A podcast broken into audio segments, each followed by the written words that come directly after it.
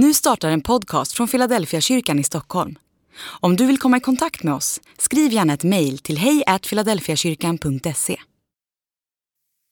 Dag 271 Frukt På Coop i Bromma Blocks hänger det stora skyltar vid avdelningen med frukt och grönt där det står att man ska äta fem frukter om dagen.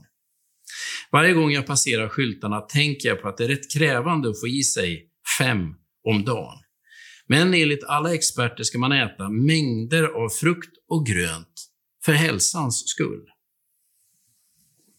Den senaste trenden är att man ska göra juice av grönsaker, alltså inte söt, välsmakande fruktjuice. Nej, det handlar om att mixa gurka, broccoli, ingefära, morötter och en massa andra mer eller mindre exotiska grönsaker och smaksättare till juicer som man ska hälla i sig.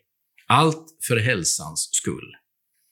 I frukt och grönt finns nyttiga vitaminer och mineraler som vi behöver för att förbli friska. För att inte tala om antioxidanter som tillskrivs nästan magiska krafter i vår metabolism. Om man får i sig tillräckligt med frukt och grönt så minskar risken för cancer, diabetes, högt blodtryck, fetma och en massa andra folksjukdomar.